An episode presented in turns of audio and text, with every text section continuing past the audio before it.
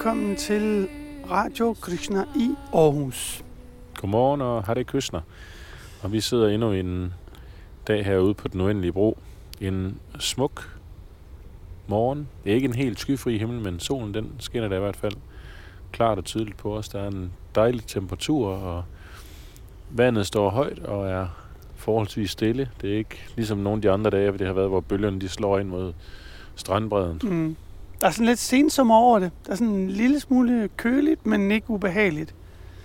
Der er stadigvæk nogle øh, modige øh, badere, som øh, udfordrer de kolde bølger. Men øh, vi mangler stadigvæk at se den første kajakroer, eller jeg gør i hvert fald. Men svømmer har vi masser af i dag. Det kan godt være, at de holder fri nu. Eller så holder de netop ikke fri, de er på arbejde.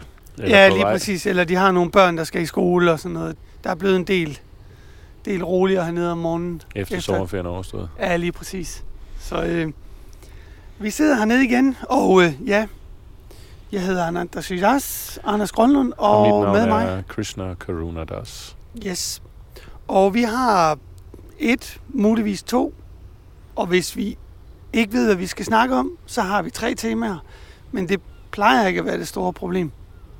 Og hvad er så vores, vores første og måske eneste emne i dag? Jamen, øh, det har jo været Skanderborg Festival, og øh, en af de ting, som øh, skete på Skanderborg Festivalen, ja, vi er jo ikke så nogen, der går så meget op i øh, øh, sex, drugs and rock and roll, som jo ofte er de ting, der sker på en, på en festival. Men der var faktisk et interessant øh, tiltag, som de havde dernede i, øh, På Smukfest. på Smukfest, lige præcis. Artiklen omkring det, den hedder Lån en misbruger eller en muslim på Menneskebiblioteket på Smukfest. Okay, så man kan låne en misbruger eller en muslim. Jamen, jeg tror, så var det også det var lidt udvidet. Jeg så, at øh, der var også mulighed for at låne en, øh, en autist. Kunne man også låne. Men konceptet som sådan er, at Altså, så her, der, der, der er 30 forskellige bøger. Det vil sige, der har været 30 forskellige øh, mennesker, man har kunnet låne. Som så kan give en indsigt i noget, man ikke øh, kender så meget til. Ikke har måske heller den store forståelse for, eller måske ligefrem har en masse fordomme omkring. ja, det, det fungerer lidt ligesom på et normalt bibliotek. At ja, først så skal der selvfølgelig nogle bøger på hylden. Og det vil sige, at, at som dansker, eller jeg ved ikke om måske også udlændinge, kan melde sig eller tilmelde sig som bog. Som menneskelig bog. Ja, lige præcis. Og så fortæller man så, hvad, man, hvad der står i ens bog. eller hvad der står på de forskellige sider, og hvem man er, og hvad man kan byde ind på. Men det er vel ikke lige så lang lånetid, som det normalt er for en bog på biblioteket? Forhåbentlig ikke. Jeg tror, det er 30 dage, og så kommer der bøde på. Er det ikke sådan noget af den stil? Altså på biblioteket. Ja, på biblioteket. Jeg Jo. tror ikke, der kommer. Jeg vil gerne have dig med hjem i 30 dage. Nej, men der stod i hvert fald det her på Smukfest, at der var det en, der var det en halv time, man kunne sætte sig ned og, Okay. og, og sidde og, og få en, en snak. Mm. Og som der også stod, nogle folk, de finder så også ud af, at jeg har faktisk nogle fordomme, når man Mm. nu sætter sig ned og taler med en... Jamen, det ved jeg ikke. Det kommer an på, hvem man har fordomme over. Ja, selvfølgelig. Det mest naturlige er jo at have, jeg ved ikke, man kan kalde det fordomme, men danne sig en mening om ting, uden at vide noget om det. Er det ikke noget, der sker rimelig tit? Jo, men det gør vi jo hele tiden. Og vi kan også se, at det er også det, der er noget af det... Jeg ved ikke, om man kan sige noget af det farligste, men når der er noget, du er uvidende om, ikke, så danner du selv en masse idéer, og det er tit baseret på fejlslutninger og misforståelser og manglende indsigt, og det leder så nogle gange til frygt, fordi Ja, ja, du ikke ved noget, du har ikke reel viden om. Eller, eller dårlig information også. Ja, altså, det kunne det også være. det kan også tit være fordomme, det kommer fra noget, man har læst et eller andet sted. Men, men det er jo også lidt det samme. Øh, dårlig information og manglende reel viden, det er jo, Ja, ja. det kunne man godt sige var i samme kategori. Altså ideen som sådan, synes jeg, der er rigtig interessant, fordi man ligesom kan, uden at ligesom at skulle tage det store skridt og, og etablere et længerevarende venskab, så gå hen og se, om, om det er noget, som man, om man kunne interessere sig for, eller i hvert fald få enten bekræftet eller afkræftet de fordomme, man nu end har. Fordi det kan jo godt være, at, at man får bekræftet nogle af de fordomme, man har i forvejen, når man så får snakket med en... Øh, En transvestit, en alkoholiker, en muslim. Eller, altså der står her, at der var 30 øh, forskellige menneskelige bøger på festivalpladsen. Og øh, en af de ting, der var nævnt, det var, at der var faktisk mange, som var pårørende til en alkoholiker, som var hen og snakke med en, en alkoholiker. Det var så en forhenværende alkohol, eller nej. Ja, men Jeg jeg, ikke, tror, de kalder sig selv for Ja, det er alkoholikere, ikke? Men, men, men så siger de, at jeg har været ædru så og så længe, fordi at, Ja, ja. at de ved, jamen det, det kan være en enkelt øl eller et enkelt glas, der gør forskellen, ikke? Ja, ja. og så bum, så er de tilbage i det, de, de kom ud af. Hvordan er de siger, øh, jeg er alkoholiker, men jeg drikker ikke. Nå, men det er jo en meget sober tilgang til, til ens situation. I hvert fald en, en, en selverkendelse, en, en selvindsigt, at kende ens egne begrænsninger ens dårlige kvaliteter og ens svagheder, først og fremmest, så man ikke hopper i med, med alle fire. Altså jeg vil sige, da jeg sad og læste, så, så tænkte jeg også, jeg, det, jeg synes, det var meget positivt. Nu er vi jo også en del af en tradition, som netop, øh, kan man sige, praktiserer og prøver at udvikle det personlige forhold, som vi alle sammen har til, til Gud, til Krishna. Og det her vil, er jo så netop, kan man sige, et personligt møde med de her forskellige menneskelige bøger. Mm. Og det er altid det er noget andet. Du får noget andet ud af det, når det er sådan et personligt møde. Ikke dermed sagt, at det er dårligt at gå på biblioteket og låne en bog. Det synes jeg også er en god ting. Men, men altså, der kunne godt være nogle af de her øh, emner, man kunne være interesseret i, hvor den menneskelige bog, som du så låner, giver dig et, et, et andet indblik og en anden indsigt, end hvis du, hvis du selv går ud og søger viden. Altså fordi man måske også kunne være hvis man er forudindtaget, så kan man også godt i det, man søger, få bekræftet sine, sine fordomme. Ja, Det kan selvfølgelig også godt ske med det menneskelige bog, men det kunne også være, der kommer nogle ting frem, hvor man, hmm, okay, og det havde man, sådan havde man ikke lige, den vinkel havde man ikke set nej. Jeg synes ofte, at det der i mødet med et andet menneske, det slår mig altid, at vi egentlig i bund og grund er ens. Det der med, at så snart man krasser lidt på overfladen, så ser man de samme udfordringer, de samme problemstillinger, de samme øh, ting, som folk de slås med. At der så kan være forskellige måder at takle det på. Det kan så være individuelt. Men det er jo ikke fordi, at vi essentielt er så forskellige, og det tror jeg, det er det, som tit, jeg ved ikke, man kan kalde det, overrasker lidt, fordi man tit i de der fordomme placerer folk meget langt væk fra en selv, og hun er helt anderledes, og, og virkelig underlig, og det ene og det andet, og så snart man har det der personlige møde, så finder man ud af, jamen, det er jo egentlig en person ligesom mig. Men det er jo nok også lettere det der med at, at, at putte folk i en kasse med nogle af de negative labels på, hvis det er noget, som du er uenig i, eller som du ikke synes om, eller mener er forkert, eller på en eller anden måde forbinder med noget negativt, ikke? Det kan jo også ske positivt. Altså, der er Ja. jo så meget, hvad kan man kalde det, idolisering. Altså dem, som man ser op til, for eksempel. Det er jo også tit, man har den samme fornemmelse. Og jeg snakkede med en eller anden berømt personlighed, og han var faktisk et ganske almindeligt menneske. Mm. Jamen, Altså, det går jo også, det, det går jo også hen på den, på den positive del. Og hvis man ser det sådan rent spirituelt eller åndeligt, så, så må man jo også sige, at så snart vi skraber de øverste lag af, så finder vi også det samme. Så i bund og grund er der jo ikke den store forskel. Og netop det der, synes jeg er så interessant.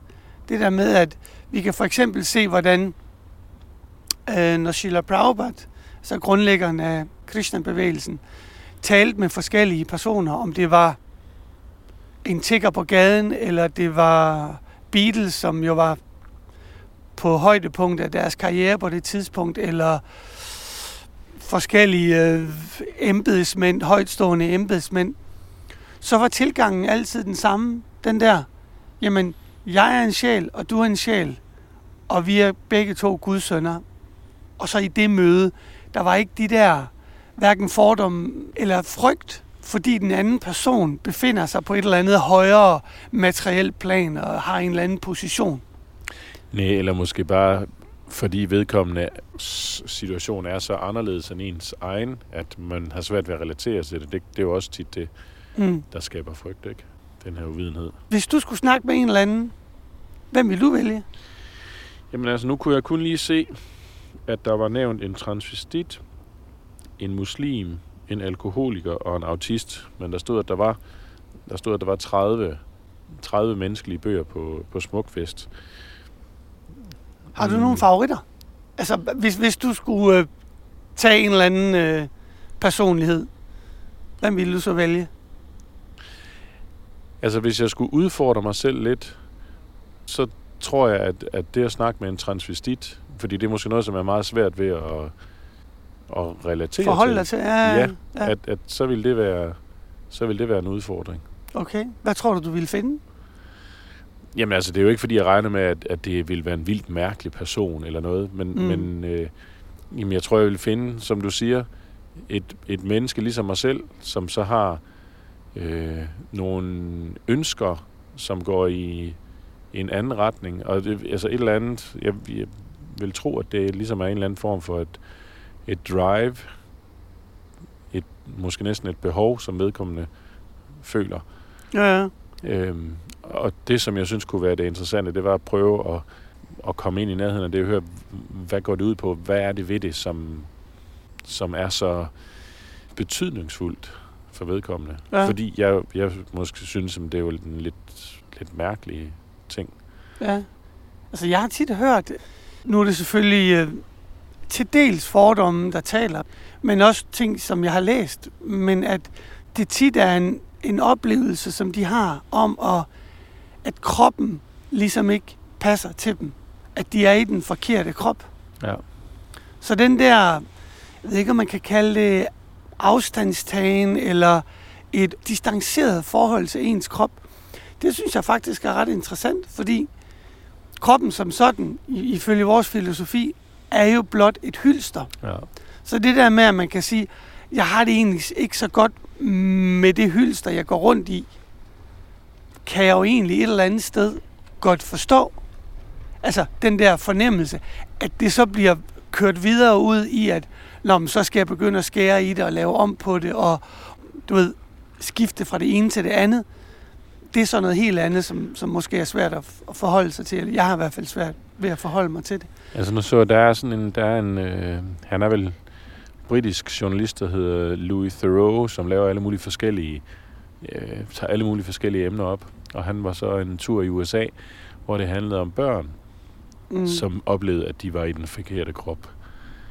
Og der taler vi altså om børn ned til, jamen jeg tror, der var en, som han en, var født som Sebastian, som så var begyndt at kalde sig selv for Camille, og han var vel seks år eller sådan noget. Ja, Og der er sådan en, der var til synligheden sådan en hel, øh, jamen en retning simpelthen i USA, hvor de Mm. også øh, på hospitaler, hvor de så, de har en stor diskussion, hvornår kan man så begynde at give hormonbehandling til de her børn, og er det okay, at de, hvornår hvor kan de, gammel var han? jamen jeg tror han var seks år, ham her. Altså, det, det, han var så ikke i hormonbehandling, det var Nej, nogen, nej, der var nej. ældre.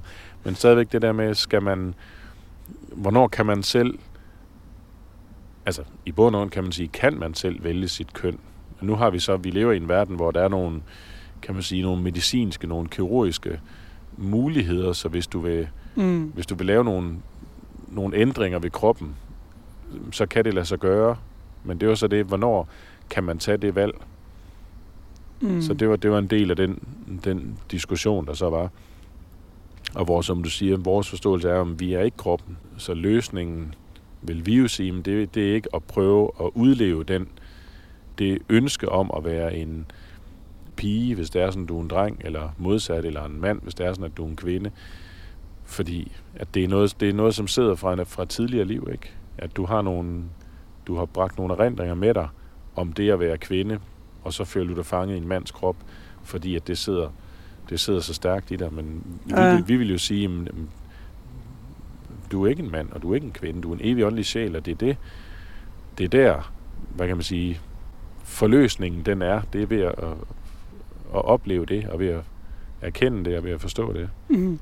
Vores forståelse, det er jo også, eller vedderne beskriver jo også, at den mentalitet, som man har i dødsøjeblikket, og hvad skal man sige, reaktionerne af, af de aktiviteter, man har udført i ens tidligere liv, gør, at man får en specifik krop.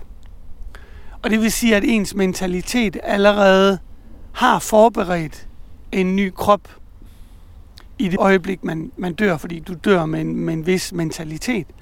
Og det vil sige, at den krop, som man modtager, egentlig skulle passe til den mentalitet, man har. Mm. Så det er egentlig lidt sjovt at se, hvis der er nogen, som har den der oplevelse fra barns ben, at kroppen overhovedet ikke passer. Fordi så er der et eller andet, øh, det ved jeg ikke om, om, om Kali Yoga eller den her tidsalder allerede er så, så skør, at, at, at tingene de er så blandede og så svære at finde rundt i og så forvirrende, at det er svært ligesom at, at finde sit stås i hele det kaos.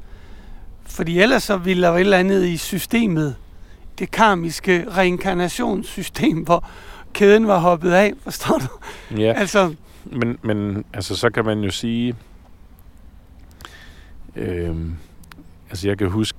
Jeg har også, jeg har også læst, at der også nogle gange... Altså, der er også nogle gange ved de her højere autoriteter, at der bliver begået nogle fejl blandt dem. Mm. Mm. Det, er en, det er en sjældenhed, og det kan også ske.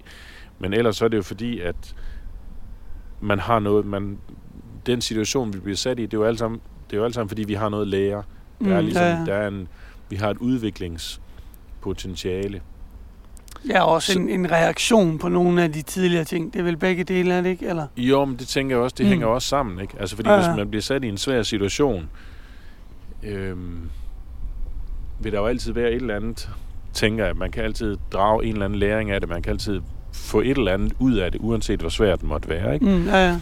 Men at, at, det, at, at det er det, så kan man sige, det er derfor, man bliver sat i den situation. Det er fordi, der er noget her, jeg skal arbejde med. Mm.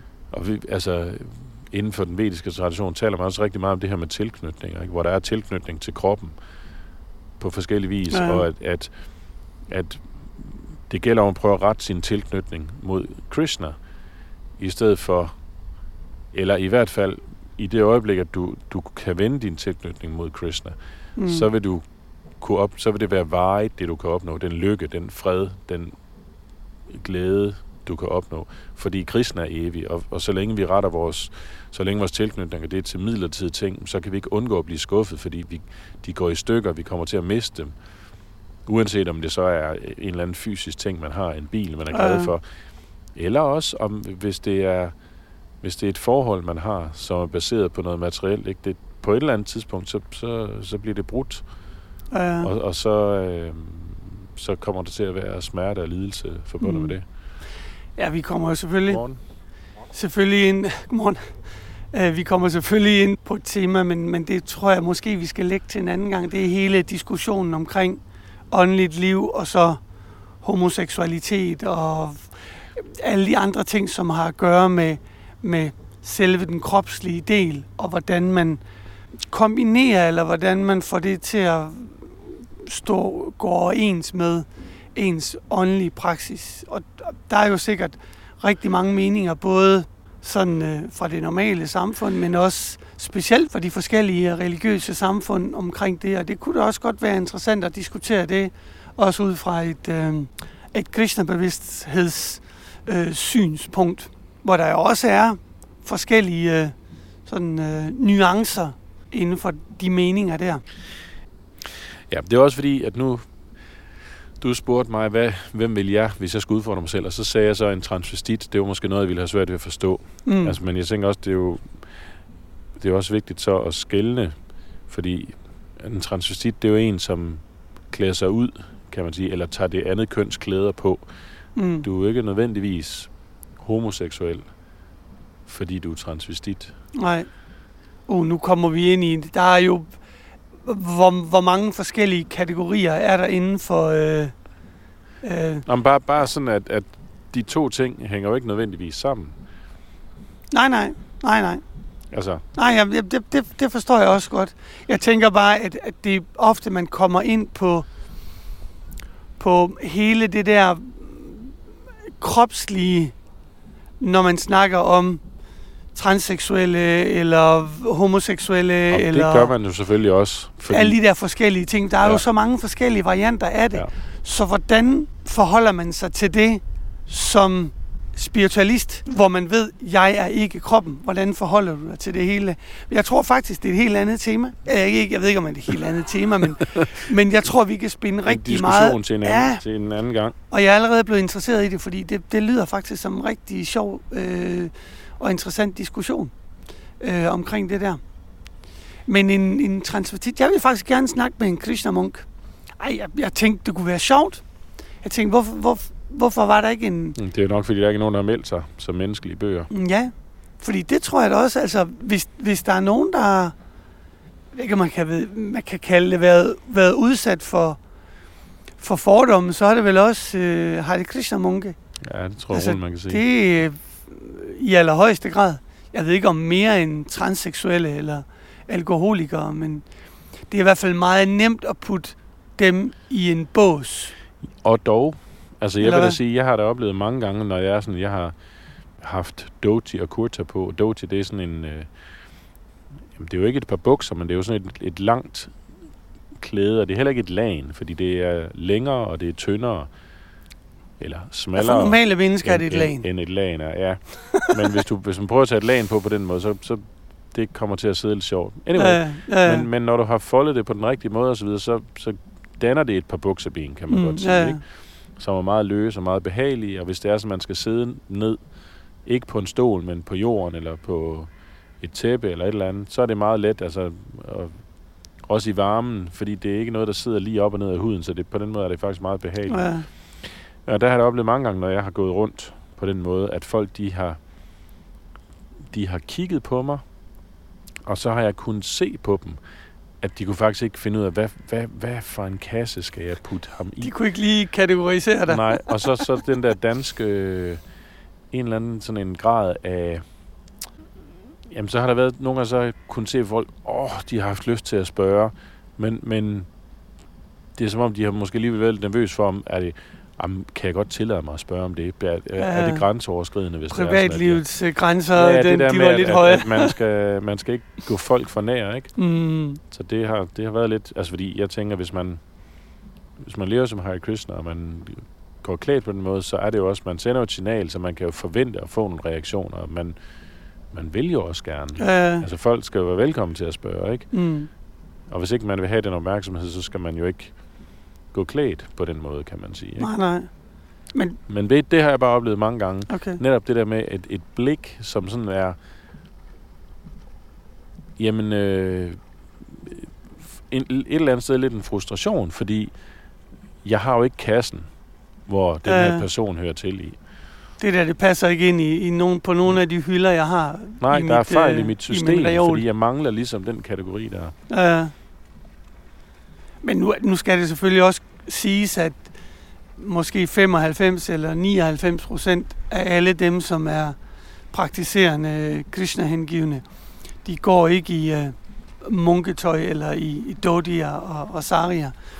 Men, men det er tit, at man som praktiserende bliver kategoriseret, når du du er sådan en, og så har du selvfølgelig, så kommer man ind i en eller anden bås. Med en masse og fordomme og en masse... så skal ja, ja. man ligesom kæmpe sig ud igen, fordi det, det er... Det, det er ligesom en, en, en bås, hvor de siger, jamen enten så... Hvad, hvad, hvad gik der galt? Hvor, ja. hvor sprang kæden af? Jamen det er også det, som Shimon Bhagavatam siger. Øh, den siger, at der findes kun to glade, rigtig glade mennesker. Ja, lykkelige, ja. Lykkelige mennesker i den her verden. Det er personen, som er transcendental, eller som er hævet over den her verden, som ligesom har opnået åndelig perfektion, og mm. ikke er påvirket overhovedet af de ting, som sker omkring vedkommende, eller på kroppen, eller hvad det skal være. Fuldstændig ja. utilknyttet til det hele. Vedkommende er fuldstændig lykkelig. Og hvem er den anden så? Og den anden, det er så det, man kalder folk i tamaguna. Tammer, det betyder uvidenhedens kvalitet. Jeg tror vel, hvis man skulle bruge et godt gammelt dansk ord, så vil man sige, at det er tåben. Ja. En tåbe. Ja, men altså, fordi, fordi jeg tror, jo, tåbe er en ting, fordi man kan jo godt være dum, og så samtidig være, du ved, renlig og opføre sådan, sådan nogenlunde ordentligt. Man kan bare være, du ved, dum, når man åbner munden. Forstår du, hvad jeg mener? Mm. Men, men når man snakker om om den person, som, som finder sig totalt i tamaguna, så er det jo en person, som også lever fuldstændig i de laveste kvaliteter. Altså virkelig sådan noget med tøj, der aldrig bliver vasket, og spiser måske affald. Og du ved, i Danmark, der ser man det ikke så tit, fordi vi har været rigtig gode til at, jeg ved ikke om gode eller dårlige, til at ikke bure folk ind, men ligesom gemme dem af vejen. Ja, lige præcis. Ja. Men for eksempel sådan et sted som Peru, der ser man jo overalt på gaden, ikke? Folk, som går rundt og griner med sig selv. Ikke? Som går rundt og sådan, øh, fuldstændig sindssyge, ikke? med snavset tøj og du ved, uret hår og øjnene, der kører rundt i hovedet med, med en kæmpe smil og sådan noget. Så, så de to kategorier findes af totalt i gåsøjne glade mennesker. Ikke? Så hvis man ser et menneske på gaden, og du ikke er vant til at se spiritualister, du ved, som virkelig manifesterer en, en åndelig glæde, ja. så siger man, nå, vedkommende, han må være skingerne sindssyg. Altså, det er lige til den lukkede, det der, fordi det er ikke normalt. Mm-hmm. Det er jo ikke normalt at være ja, glad hvad, i den her verden. Hvad du? Hvad tager du? Hvad er ja, ja, ja, hvad er du på? Hvordan kan du... Ja. Og det var jo egentlig også det, som Prabhupada han startede med til at begynde med at, at lave sådan nogle små flyers. Løbesedler. Løbesedler, ja, til at dele ud som stod Stay High Forever. Fordi det var ligesom det, som, som folk de er vant til. At gå rundt og tage alle mulige stoffer for at have det fedt og være glade, ikke? Men hvor man egentlig med en åndelig proces kan opnå, ja, det er vel dumt at sige det samme, men... Nej, for det er jo noget helt andet. øhm, Plus at, som løbesedlen også sagde, at så er der en mulighed for ligesom at, at bibeholde den ja, ja. bevidsthed, du opnår, hvor når mm. det er sådan, at du tager et eller andet, hvis du ryger noget, eller på anden måde indtager et eller andet stof, at den bevidsthedsændring, som så kommer, den er, det er en midlertidig ting, og du får altid, du kommer altid ned fra det igen, og tit kommer mm. du også længere ned, end du var i, Som ikke i, i forhold til din, hvad kan man sige, din, sådan, din normal bevidsthed, ikke? Ja, ja, ja. Og det er jo så der, der kommer noget frustration og øh, over at... Ja, noget desperation, fordi du bliver afhængig af det også. Også det. Altså, det er jo, det er jo klart, hvis du får et eller andet trip, der får dig op og, og føler dig glad, og så du ryger ned igen, så er det bare, hvordan kan jeg komme op igen? Men, øh, ja, det er jo så også, fordi det er en kunstig ting. Ikke? Altså Prabhupada, ja, ja, han, han siger jo rigtig mange gange i forhold til det her med at chant Hare Krishna, at det ikke en, det er ikke noget, du kunstigt påfører bevidstheden eller sindet. Mm. Det er ligesom, det er, den, det er den naturlige tilstand, som du kan komme ind til på den her måde, gennem den her proces. Ja, ja. Og det er jo en kæmpe stor forskel, om det er noget, du, du midlertidigt opnår ved at, at tage noget, eller om det rent faktisk er, det er meningen, at du skal være lykkelig og glad og entusiastisk ja, ja. og så videre. Og det er, det er en tilstand, som, som på naturlig vis, uden alt muligt, kan opnås. Ja, hvordan er det, han så smukt udtrykker det? Jeg kan det kun på engelsk, så må du jo oversætte det, du plejer du at være bedre til. Ja, men der, var, der er et ord, der driller mig nemlig. It's not an artificial imposition of the mind. Ja. Så det her imposition, altså det, det, ja, jamen det, er, jo, det er jo sådan ligesom det er noget, noget kunstigt, ja, som er, er blevet noget, påført. påført ja, ikke? ja, det er en naturlig tilstand. Men det er jo netop der, hvor man også ser det der, du kigger på noget udefra, og så bruger du den viden, som du allerede har, til at ligesom at forstå noget, mm. uden egentlig at have kontakt med det. Ja. Så prøver du ligesom at kategorisere det og putte det i nogle båse og på nogle hylder. Og er netop problemet med fordomme, fordi en ting er, at man kan have en, en være lidt forudindtaget, eller have en idé om, hvad noget det er. Det er så en ting. Men en fordom, det vil sige, at du allerede dømmer mm. mennesket på grund af det. Og der tror jeg faktisk, der er en forskel, fordi det kan jo godt være, at man kan være nysgerrig og sige, Nå, hvad er det der? Det kunne jeg da godt tænke mig at vide noget mere om. Så er der jo egentlig ikke nogen fordomme. Så er der jo egentlig bare en, Nej, det er en, en nysgerrighed. Men det er netop tit, at, at det er fordommen, som er mest øh, fremtrædende. Men det kommer også an på, hvor åben man er. Altså nu stod der i, i den her artikel også, at der var mange, som det er jo også, kan man sige, hvis du kommer, hvis du tager til Skanderborg Festivalen til Smukfest, ikke, så kommer du ned for at have det sjovt, for at have det rart, for at, ligesom at, for at hygge dig, ikke? Ja. så er der nok også en naturlig åbenhed over for nogle ting. Ikke? Plus at med 20 bajer, som lige er blevet skyllet ned, så kan det godt være, at, at ens grænser, de måske flyder lidt mere, tror ikke? Eller jo, det er måske jeg tror nu heller, jeg, altså, det ved jeg ikke. Det, det, Ej, det er min fordom. Prøv at ja, ja, det var min ja, fordom. om, om, om festivaldeltagere. Fordi jeg tænker, det er jo ikke nødvendigt. Der er jo også nogen, som... Det er rent faktisk musikken, de kommer for at høre. Det er ikke for at drikke sig helt i hegnet. Ikke? Der kan du høre, det var fordommen, der talte igen. Så... Øhm, det kunne så, jeg skulle tage til Skanderborg og snakke med en Skanderborg Festival deltager, som er ædru. Jamen plus, jeg tænker også, at, at når du når du har fri, og du tager til sådan et arrangement, så det, at du har fri, gør også, du har jo tid på en anden måde. Altså, mm. vi lever efterhånden også i en, i en ret stresset og presset hverdag på mange mm. måder. Ikke? Så når du så alligevel er der, og der, du kommer for at hygge dig og så videre, og du så, så støder du lige pludselig på et menneskeligt bibliotek, du kan låne, låne en muslim, ikke? Altså, ja, ja. Det er jo også det er jo en sjov måde at præsentere det på, og en lidt provokerende ja, ting. Også det her med, at du låner et menneske, ikke, som du så mm. ja. har den her, den her snak med, for at høre, hvad, hvad, hvad vil det sige at være muslim, eller autist, eller hvad det nu er. Ja. Altså, det tænker jeg også hjælper til åbenheden og, og modtageligheden for, hvad folk måtte have at sige. Og det sjove, det er faktisk, jeg ved ikke, om det er sjovt, men øh, det er jo noget, som allerede eksisterer flere steder i Danmark. Det er jo ikke et eller andet Skanderborg Festival tiltag. Det er... Det findes der i København, København og i Esbjerg. Og der var... Jeg tror, de arbejdede på at etablere et her i Aarhus også faktisk, et menneskeligt bibliotek. Okay. Og så var det, jeg tror, det var 80 lande, hvor det var, hvor det var udbredt ah, til. Super. Så det er sådan en... Øh, men det, jeg tænker også, her i vores moderne internet og elektroniske tidsalder, så er det jo en, synes jeg, en god måde at, at få en indsigt på. Jeg er stor fortaler for det personlige møde, mm. frem for det distancerede elektroniske. Jeg fik faktisk lige lyst til at tilmelde mig. Som Kunne du tænke dig at være bog? Jamen, jeg havde det også. Altså, det, det, det, det, jeg overvejede det også. Selvom jeg tror, at min udlåningsmulighed øh, mulighed vil nok være lidt begrænset. I mm. og med, du ved... jamen, den travle hverdag, som man nu befinder ja, sig i, ikke? jeg ved ikke, hvordan det foregår, om det er i weekender, eller om det er sådan, man sætter en, en time af en gang om ugen, eller sådan et eller andet. Det er jo nok nogle detaljer, man kan, det man kan man, finde det ud af. undersøge, ja. Men, men øh, jeg synes, at konceptet er, er vildt fedt. Og så stille sig ned og så sige, okay, jamen, øh, jeg er klar på en, på en snak. Ja, man kan sige, at forskellen er også, at en bog, der har forfatteren ligesom besluttet sig for, hvad skal, hvad skal der være i den her, hvad skal den indeholde. Og så er det det, du kan læse. Her ved den menneskelige bog, så er du mulighed for at stille nogle spørgsmål, og så får du nogle svar. Også afhængigt af, hvad er, hvad er du nysgerrig på? Ja, det hvad er, er du ikke, interesseret ja, i?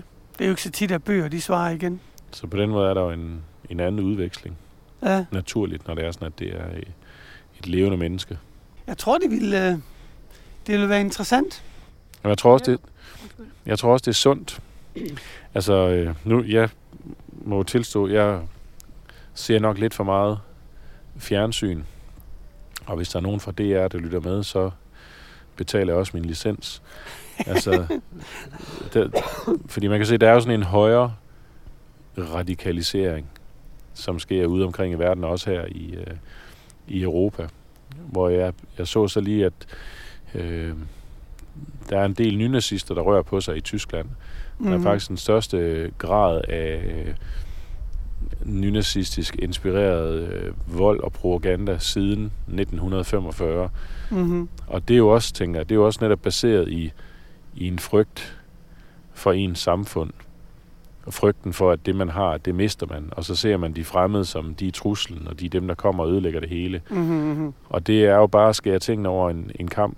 Fordi jeg tænker, det er jo meget blandet, de folk, som kommer som flygtninge og så videre. Hvad er deres motivation? Ja, ja. Men det er selvfølgelig også, det er også et, ja, vi, vi er inde på nogle, nogle temaer, som, som, som jeg tænker, uh, det kunne være interessant at, at tale med. Det er lidt, lidt ligesom at, at rode rundt i en webserede, man skal ud med passe på, hvad man siger. Jo, også, der tænker jeg så, bare, at, men, at, men, uh, at for dem kunne det jo være, hvis de kunne, for det tænker jeg, det er jo også enormt fordomsfuldt, det der ligger til grund for Og det kan så godt være, at det er mine fordomme om nazister, men, eller nynazister. Men det, der ligger til grund for deres forståelse af de her fremmede, det, det kunne være sundt, tænker jeg, for nogle af dem at sætte sig ned og låne en muslim, og så øh, en muslimsk menneskelig bog, og så have en halv time snak. Mm. Det er et meget stort tema om, omkring hele migrationen og den demografiske situation i, i Europa og, og alt det der. Ja, den tror jeg også, vi, vi skal tage en anden gang. Ja. Men, men jo, der er selvfølgelig fordomme, men, men øh, jeg havde da en personlig oplevelse her for ikke ret lang tid siden, at øh, der kom faktisk en muslim, jeg tror fra Syrien eller sådan et eller andet, som flyttede ind i opgangen. Og jeg gik jo ned og sagde, sagde goddag og, og velkommen og det ene og det andet, og så var der ret meget larm og spektakel og, og lyd af vold dernede fra følgende aften og sådan noget. Og, og jeg er jo sådan en, som, som måske ikke har så store grænser. Det der med at gå hen og, og tale til folk. Du Eller, blander dig. jeg blander mig. Ja. Og jeg gik jo ned og bankede på døren og, og spurgte, hvad der skete. Og Mm. jeg sagde, jamen, øh, jeg kunne høre den kvinde, der græd, så jeg sagde, jamen, jeg vil se hende. Og jeg fandt jo ud af bagefter, at det havde jeg slet ikke, øh, hvad hedder sådan noget, øh, hjemmel til at, at sige. Jeg sagde, jeg vil se hende. Og så sagde oh, okay, du kan da få lov til at komme ind. Og så sad hun og græd på sengen, og så spurgte jeg, om hun havde det okay, og det ene og det andet. Og bagefter så var der så nogle husspektakler, hvor jeg så fik smækket døren i hovedet igen, fordi jeg gik ned og Og, Og blandede mig. og der var vi faktisk nødt til at ringe til politiet, for at de skulle komme. Og... Men det var sådan en blanding af, ikke fordomme, men, men, men jo, selvfølgelig fordomme, men samtidig så går man ind, og så får man en dialog, og så er der selvfølgelig nogle af fordommene, kan man så sige, de blev måske bekræftet. Ja. Og andre ting kan man sige, okay, der var en, en person bagved. Men det er ikke sådan, at det har jo ikke hjulpet i, på vores forhold. Nej, selvfølgelig har det ikke At vi var nødt til at ringe efter politiet, og, og at jeg var inde og se hans kæreste eller kone, som sad og, og græd på sengen, efter at der var flere møbler, der var væltet, og jeg vidste ikke, om hun var blevet slået eller noget sådan noget. Altså, det, det ved jeg jo ikke, vel? Nej. Men der, der sker jo mange ting, hvor man ligesom siger, okay, hvornår skal man gribe ind? Men i under alle omstændigheder tror jeg, at det altid er bedst at overskride den der grænse. Ja, så tror jeg også, at det er sådan lidt en dansk mentalitet, det her med, at vi skal ikke blande os. Men det er faktisk, men det er godt at blande sig. Jo, så og der skal er, man også, blande der, er sig. også, øh, der er også nogle gange, hvor selv hvis det er, og det, det kunne også være noget helt andet, ikke? det kunne være folk, som har en personlig krise, ikke? og du kan se på dem, Mm. ja, der er noget galt, de har det ikke godt. Jamen, jeg skal ikke blande mig. Altså, at der så kommer en tilbageholdenhed, hvor folk faktisk gerne vil have den hjælp, eller i hvert fald gerne vil have den udstrakte hånd som muligheden for Ja, at tage den. Ja, Den er der, frem for at, øh, at den ikke er der. Og der, der, tror jeg, den, der tror jeg, der er en tilbageholdenhed i Danmark. Ligesom sådan en, jamen, man skal have lov til at være sig selv og passe sig selv, at vi skal ikke Ja. rode for meget rundt i, øh, i andres situationer. Men det er, jo, det er jo også svært at finde en balance i det der, fordi der er jo selvfølgelig andre kulturer, hvor, hvor man, i hvert fald ifølge min personlige oplevelse, blander sig lidt for meget. Ja, Altså, jeg har ja. da levet i Sydamerika, og det kunne da godt være grænseoverskridende, at jeg praktisk talt ikke kunne have noget privatliv. ja. Hvor man ligesom ikke kunne lukke døren og så sige, ved du hvad, nu vil jeg gerne have lidt fred. Mm. Så Ja, egentlig, det, det er vi jo vant til her i Danmark, ikke? Ja, ja. at man kan det. Og jeg kan da huske, da jeg kom hjem dernede fra, efter at have boet dernede i en, jeg var det 14 år eller sådan noget.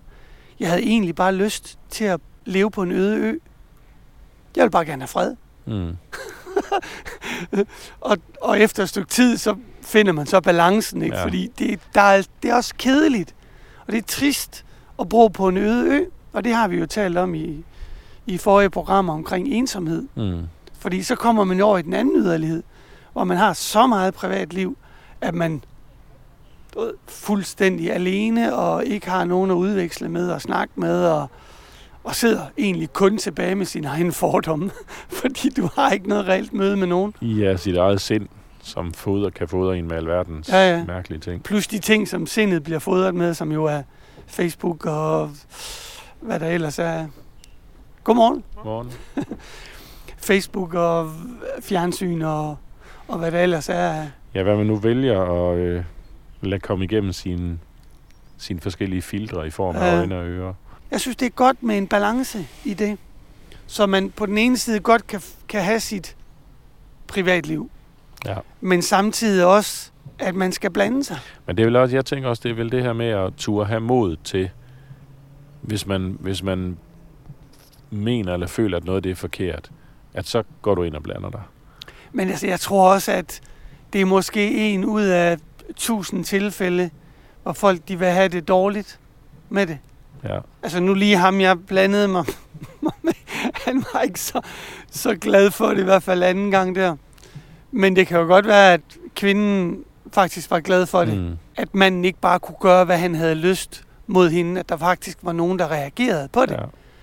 Og det der med at, at gøre noget, når man ser, at noget er galt, eller, eller tage kontakt, hvis der er nogle ting, man ikke forstår, eller sådan noget. Stille de spørgsmål, du ved. Lige tage de to skridt længere, end, i stedet for at stå på afstand og sige, nej, hvor er det synd for vedkommende, og gad vide, hvad der sker med vedkommende. Men det er også det med at prøve at sætte sig ind i situationen, fordi man kan jo også, Mm. øh, altså som du siger, dialog, ikke? Hvis man går ind i en, i en dialog, så har man mulighed for at øh, udvide sin egen forståelse, og så er der Mm. måske også, fordi det kunne også være fordomme, ja, som leder en til at gøre noget forkert, men det er stadigvæk bedre, end ikke at, ikke at blande sig i en situation. At passivitet er nok ikke det bedste i sådan en situation, hvor man ligesom bare, du ved, Nej, fordi det, det, sætter sig og tilbage. man kan også sige, rent karmisk kan du også høste noget, øh, hvad kan man sige, en reaktion på det.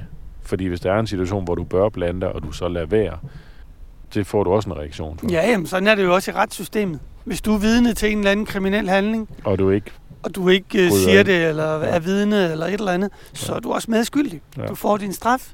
Den er måske ikke så stor som den, der gør det. nej nej, men, Men- men, men- men, den er øh, der. Du får et lille øh, smæk over nallerne.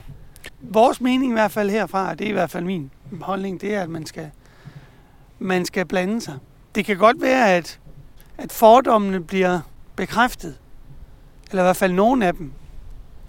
Men i langt de fleste tilfælde, der sker faktisk det modsatte, at man får afkræftet sine fordomme, man får måske oven købet et, et forhold, så har man noget reelt at forholde sig til Mm. i stedet for at man bare sidder med sine fordomme op i, op i hovedet. Altså, jeg har jo spiller for eksempel cricket, og, og vi har jo et, et hold, hvor der er, jeg ved ikke om der er otte forskellige nationaliteter ud af 11. Der er to eller tre af dem, som er som er muslimer, og der er nu en fra New Zealand, og en fra Irland, og en fra England, og en fra Australien, og jeg tror faktisk, at den, nej, der er nogle gange er der to danskere på. Så, så det er sådan et, et godt, øh, Øh, Multikulturelt hold, I har der.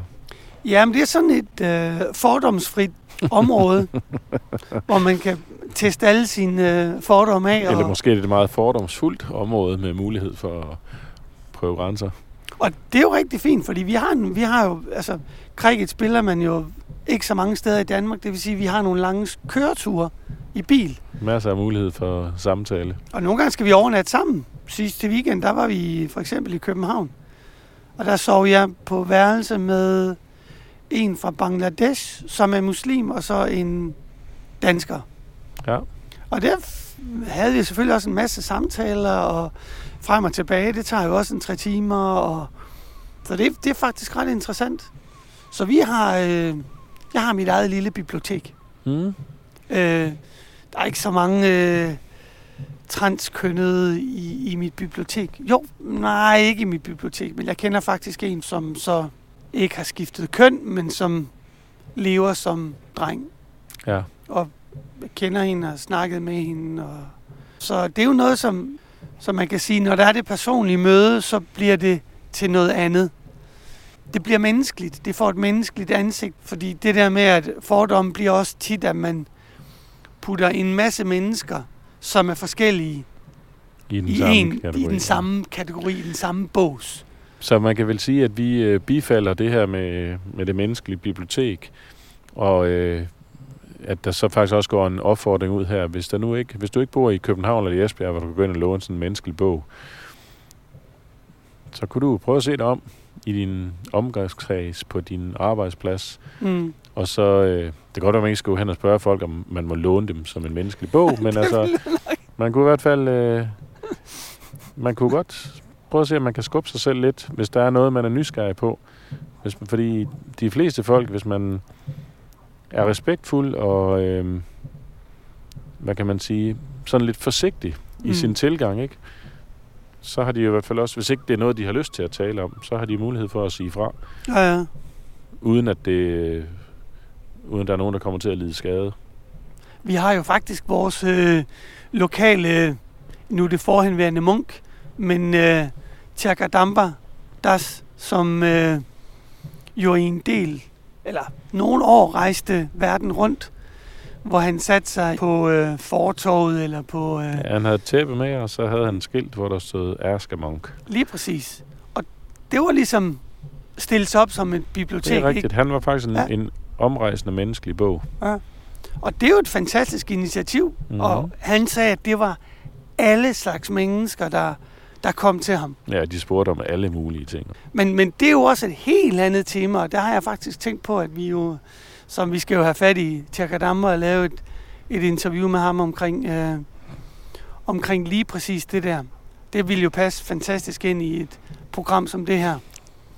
Øh, hvor mange folk, som ligesom har kommet hen til ham og, og, og stillet forskellige spørgsmål. Og jeg ved også, at øh, i København har de faktisk også gjort det at øh, Gordon i Taidas, en af de munke i, en af munkene i København, har også gjort det samme og stillet et skilt op, hvor der står, spørg en munk. Ja. Men det må I have til gode. Ja. Det, det, det program kommer. Det er en trussel. Vi skal nok lave det, så er I advaret. Så det er vores øh, opfordring herfra. Men det var vel også, det var også, hvad vi havde om det emne her. Jeg tror, det var det, og jeg tror slet ikke, der er tid til de andre to temaer. Nej, det må blive en anden gang, hvis vi mangler.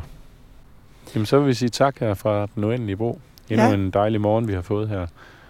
skøn, smuk, vidunderlig, solstrålende morgen ved havet. Og øh, forhåbentlig også noget indhold, som I kan bruge til noget. Det er i hvert fald altid vores, øh, ja, vores håb, vores ønske. Men det, det kan jo være, at øh, der snart kommer sådan et menneskeligt bibliotek i Aarhus, og så, hvis en af os øh, tilmelder sig, så kunne det være, at vi er der kunne mødes mulighed for at låne en, en menneskelig Harald Kristne bog? Ja. Jamen ved du hvad, vi snakker gerne. Det ved vi jo på forhånd. der er ikke noget med fordomme, det. Sådan er det bare. Men øh, skal vi sige uh, ja, tak fordi I lyttede med, ja, tusind tak for det. og Hare Krishna. Hare Krishna. Wake up, time to wake up. Come on now, wake up, wake up, sleeping soul. Wake up, time to wake up. Come on now, wake up, wake up, sleeping soul.